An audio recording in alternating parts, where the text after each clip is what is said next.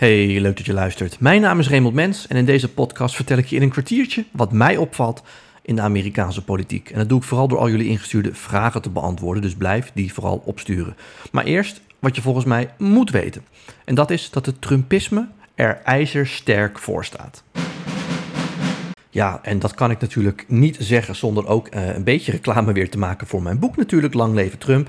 Nog steeds te verkrijgen, ook als e-book uh, trouwens voor degene. Ik heb zelf al jaren een, uh, een Kindle en een fantastisch apparaat. En het leuke daarvan is ook dat je, het is overigens niet gesponsorde content hoor, ik zeg dit geheel vrijwillig. het leuke is ook dat je dan boeken kan downloaden en dat je dan een x aantal procent gratis krijgt. Dus dan kun je ook even kijken van oké, spreekt deze leesstijl me aan? Vind ik het echt interessant? En pas als je daarna een x aantal bladzijden van overtuigd bent, dan download je het hele boek. Nou, uh, mijn boek heet Lang Leven Trump en dat gaat over die trends achter Trump. Die maken dat, ook als Trump zelf niet terugkomt, uh, de wijze van politiek bedrijven van Trump, zowel inhoudelijk als qua stijl, laten we dat maar even het Trumpisme noemen, dat die voorlopig nog wel bij ons blijft. En de actualiteit leert ons dat ook. En vandaar dat ik het daar deze week even kort over wil hebben. Er zijn een aantal dingen in het nieuws die uh, het feit dat het Trumpisme er sterk voor staat onderstrepen. En dat begint natuurlijk met het Hoge Rechtshof. Ik verwacht eigenlijk deze week en anders uiterlijk volgende week die definitieve uitspraak over de abortuswetgeving uh, in Amerika. We hebben daar natuurlijk ook eerder uh, bij stilgestaan toen die kladversie uitlekte van het Hoge Rechtshof de kladversie daarin stond dat uh, van die negen hoge rechters een ruime meerderheid het nationale, dus het federale recht op abortus, dat, ze, dat ze dat willen loslaten. en dat betekent dat de abortuswetgeving weer terug gaat naar de staten. En de staten zelf kunnen bepalen hoe ze daarmee omgaan. Dat betekent dus dat in veel staten, ongeveer de helft van de staten misschien wel, het recht op abortus verdwijnt. Uh, dan kun je denken, nou dan kun je toch heel makkelijk naar een andere staat. Nou nee, uh, je zal maar in Texas wonen bijvoorbeeld. Dan ben je echt wel één of twee dagen onderweg om in een gebied te komen waar er dan wel abortussen mogelijk zijn. Nou goed, die discussie daar gelaten. Maar je ziet op een uh, aantal punten over abortus, maar ook andere punten, dat die drie benoemingen die Trump heeft gedaan naar het Hoge Rechtshof, eentje zou eigenlijk een benoeming van Obama moeten zijn. Maar uh, Mitch McConnell, de leider van de Republikeinen, heeft gezegd: ja, Obama zit nu in zijn laatste verkiezings, uh, laatste uh, termijn in 2016. Er zijn verkiezingen dit jaar, dus we blokkeren die benoeming. Obama is daar, vind ik, te zachtmoedig mee akkoord gegaan. En uiteindelijk heeft dat ertoe geleid dat Trump niet twee, maar drie hoge rechters heeft kunnen benoemen. En die hoge rechters zitten er voor het leven. Dus die conservatieve meerderheid in het congres, die is de komende 10, 20 jaar misschien wel gegarandeerd. En die rechters die Trump benoemd heeft, zitten er misschien nog wel 40 jaar. Dan zien we ook in november die congresverkiezingen aankomen. Biden stond er natuurlijk al slecht voor. Maar als je uh, uh, nu ziet uh, dat de benzineprijzen de pan uitreizen, dat uh, alle andere uh, producten ook duurder zijn geworden, dat de economie langzaam maar zeker een beetje in het slop raakt. Veel economen in de Verenigde Staten wijzen erop dat er een recessie mogelijk aankomt. En dan zie je vervolgens dat president Biden van de week nog van de fiets is gevallen. Nou kan ik me dat voorstellen, hij heeft een racefiets, dus ook super irritant, daar blijft je voet wel eens insteken. Maar echt lekker komt het allemaal niet over. En ehm, dat ja, zorgt er alleen maar voor dat de Republikeinen eh, nog meer de wind in de zeilen krijgen richting uh, november, richting die tussentijdse congresverkiezingen. Voor degenen die het niet weten, tijdens de tussentijdse congresverkiezingen staat een deel van het congres, ongeveer een derde, op de rol om herkozen te worden. Dat gebeurt iedere twee jaar, dus soms valt het samen met presidentsverkiezingen. Nou, dit jaar dan niet. Maar dat de Republikeinen daar uh, uh, ja, een flinke winst gaan boeken, dat lijkt uh, vrijwel zeker. Dat is overigens ook de reden waarom die commissie die nu onderzoekt wat er op 6 januari is gebeurd, dat die binnenkort al met hun conclusie willen komen, eigenlijk voor de zomer. Dat gaan ze ook halen. Maar dat moet dus ook wel, omdat ja, in de zomer heel Washington met vakantie is. En daarna begint eigenlijk alweer die verkiezingsstrijd. En als waar wordt waar de peilingen nu wel op duiden, namelijk dat de Republikeinen een meerderheid in het congres gaan overnemen, ja, dan zullen ze als eerste, als die commissie nog bestaat, die 6 januari-commissie, dan zullen ze die opdoeken. Uh, dus voor de zomer moet er ook wel een uitspraak zijn van die commissie. En dat kan bijvoorbeeld zijn, wij denken dat Trump zich schuldig heeft gemaakt aan. Nou, dan moet vervolgens uh, uh, de minister van Justitie oordelen of hij ook echt ehm, opdracht zal geven tot het vervolgen van president Trump of iemand anders. Nou ja, ook dat is weer een andere discussie. Maar je ziet dus dat het congres hoogstwaarschijnlijk rood gaat kleuren. Het Huis van Afgevaardigden sowieso, hè, de Amerikaanse Tweede Kamer, maar ook de Amerikaanse Eerste Kamer, de Senaat ja, als je naar de peilingen kijkt, staan de Republikeinen er daar heel goed voor. Je ziet ook dat de meeste van de Trump-kandidaten, dus bij de Republikeinen zijn er, net als bij de Democraten, eerst voorverkiezingen. Bijvoorbeeld, stel je wilt senator worden, dan moet je eerst de Republikeinse voorverkiezing winnen, net als bij de presidentsverkiezingen. Uh, en um, uh, dan pas um, word je echt de Republikeinse senaatskandidaat of congreskandidaat. En Trump heeft natuurlijk zijn eigen kandidaten daar uh, neergezet. En veel van die kandidaten hebben het toch gered. Niet allemaal, maar wel veel. Dus je ziet dat het congres uh, weer heel veel nieuwe, jonge, kleine Trumpjes erbij krijgt, mogelijk in uh, november. Nou, ze hebben het Hoge Rechtshof, we hebben het congres. En wat je dan vervolgens ook ziet, want na die congresverkiezingen starten waarschijnlijk alweer direct de campagnes voor de presidentsverkiezingen van 2014. Wat je dan ook ziet, is dat bij de Republikeinen, eh, behalve Trump, zich meer kandidaten aan het melden zijn. We weten het allemaal, hè? Trump gaat mogelijk opnieuw op voor die herverkiezing.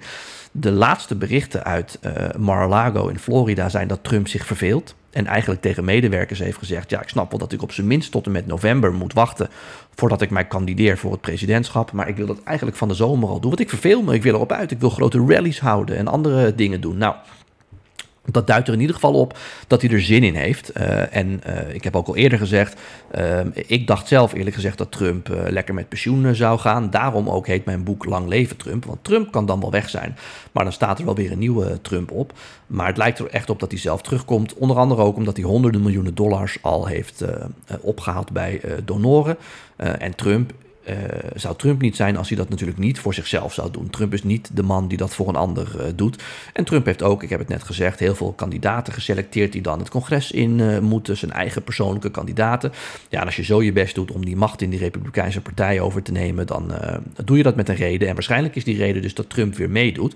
Maar toch zie je dat er ook andere kandidaten zich melden. Dus dat kunnen nog hele boeiende en spannende voorverkiezingen worden. Een van die kandidaten is Mike Pence. die zou ook al druk bezig zijn met een eigen campagne. En natuurlijk um, heeft Pence op één punt zich van Trump gedistanceerd. En dat is die rol die hij had bij het goedkeuren van de uitslag van de verkiezingen op 6 januari. Trump heeft zich als een held gedragen, zeggen veel democraten. Nou, veel republikeinen noemen hem natuurlijk een landverrader. Um, maar Pence heeft wel, dat moeten we niet vergeten, behalve op die ene middag op 6 januari, natuurlijk jarenlang uh, als waterdrager voor Trump uh, gefungeerd. Eigenlijk als een soort oliemannetje. En de hele Make America Great Again agenda helpen uitvoeren. Trump was eigenlijk degene die bemiddelde tussen Trump en. Of sorry, Pence was eigenlijk degene die bemiddelde tussen Trump en het traditionele deel van de Republikeinse Partij. Dus ook met Pence in de ring, dan krijgen we misschien een hele vieze, nare persoonlijke tweestrijd tussen die twee. Uh, staat er wel een Trump-kandidaat opnieuw op het podium. Nou, de grootste kandidaat die mogelijk aan de verkiezingen mee gaat doen is Ron DeSantis. Uh, jullie kennen hem waarschijnlijk, gouverneur van Florida. Zit daar mede dankzij Donald Trump. Hè, is een van de kandidaten die in het verleden door Trump naar voren is geschoven. Een echte Trump-republikein uh, qua stijl, maar ook hè, uh, inhoudelijk is, zit heel erg op die cultuuroorlog. Daarom is hij ook verwikkeld in een strijd met Disney. Nou, dat is weer een heel ander verhaal. Maar ehm, dat is echt een nieuwe generatie, waar er ook meerdere van zijn in de Republikeinse Partij, die door Trump geïnspireerd is en dankzij Trump de politiek in is gegaan. En bij Trump groeit de irritatie daarover, omdat Trump zegt van ja, ik heb eigenlijk jou groot gemaakt, ik heb jouw carrière mede mogelijk gemaakt en dan moet jij mij nu ook loyaliteit tonen. Jullie weten, bij Trump draait alles om loyaliteit. Zie ook de ruzie met Mike Pence. Uh, maar goed, ook Ron DeSantis had eigenlijk, vindt Trump, loyaliteit aan hem moeten betuigen en moeten zeggen... Uh, zolang Trump mogelijk meedoet aan die verkiezingen van 2024, doe ik dat niet.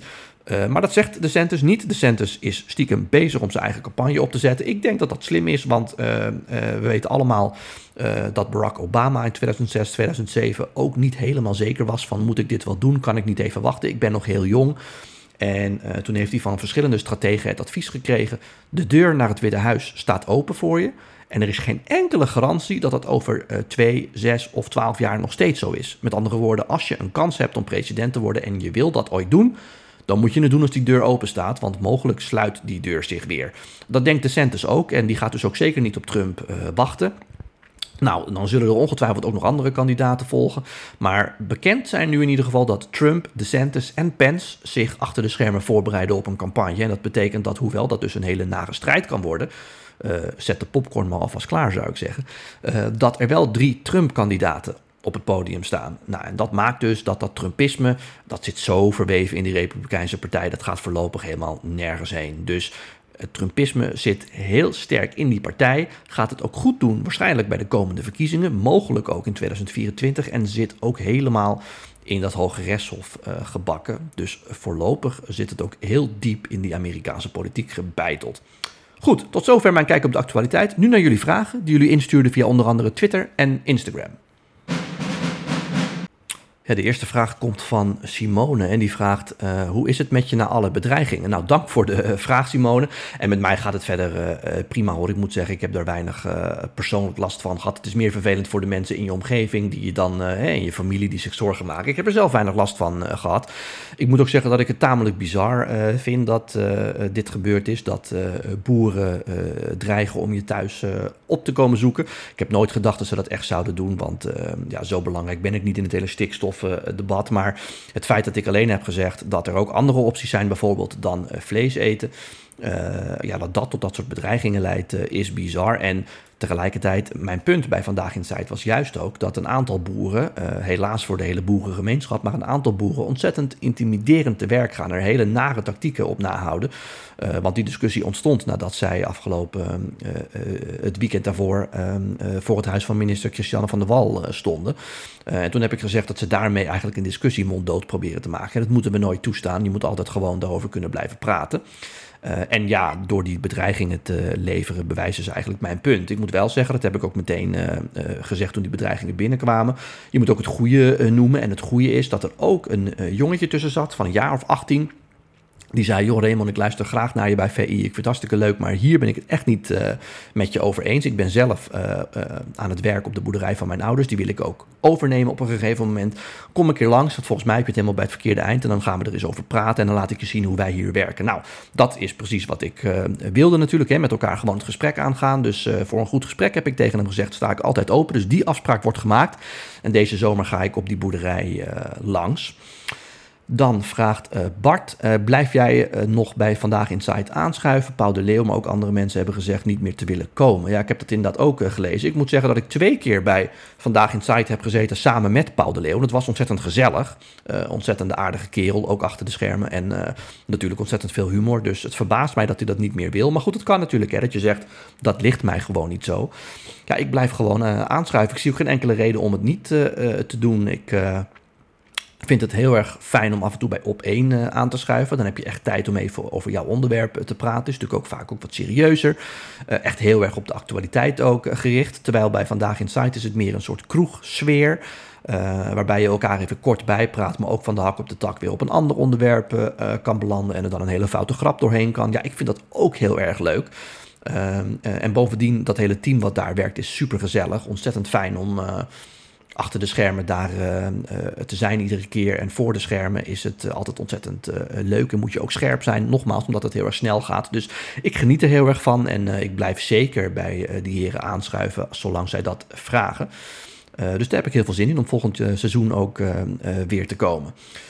Goed, Mark zie ik nog staan. Uh, die vraagt of ik nog op vakantie ga en of ik dan nog goede Amerika-bestemmingen kan uh, noemen. Uh, nou, dat laatste kan ik zeker. ik weet niet of ik nog op vakantie ga, omdat ik deze zomer mijn boek aan het afmaken ben. dat komt als goed is in het najaar uit. Daarover later meer. Die spanning hou ik nog even in waar dat over gaat. Dus ik denk niet dat ik op vakantie ga. Maar goed, mocht je dat zelf wel willen ja, als je heel weinig de tijd hebt, hè, maar een weekje of zo, ga dan een weekje naar Boston bijvoorbeeld. Super mooie stad. Of eventjes naar New York. Je kan natuurlijk altijd, als je wat meer zon, zee en strand wil, naar Miami Beach gaan. Ben ik laatst nog geweest. Altijd heel leuk. Heb je nou langer de tijd? Een maandje of zo? Ja, ga dan echt naar bijvoorbeeld...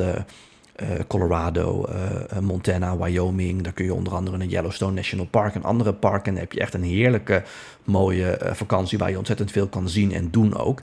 En ik heb het vaker in deze podcast gezegd. onderbelicht, maar een ontzettend mooie staat in Amerika is Virginia. Daar heb ik gestudeerd. Daar heb je ook mooie parken. Shenandoah National Park, de Blue Ridge Mountains onderal. Mooie bierbrouwerijen ook in die berggebieden. Ontzettend leuk om daar te hiken en lekker een biertje te drinken daarna. Maar daar staan ook onder andere de huizen van George Washington en Thomas Jefferson, waar je dan ook in kan en die kan bezoeken. Dus dat is ook zeker een mooie staat die natuur met cultuur uh, combineert. Dus dat kan ik ook zeker uh, aanraden. Goed, nou dank weer voor jullie vragen. Het kwartier zit er alweer op. Eh, volgende week weer een nieuwe aflevering in je overzicht. En ook dan weer, blijf die vragen sturen. Ehm, eh, want dat kan via Twitter, Instagram en ook LinkedIn. Eh, en dan kan ik die weer beantwoorden. En dan heb ik weer een podcast om te vullen. Blijf dat dus vooral doen. Tot zover. En dan spreek ik jullie weer volgende week. Tot dan.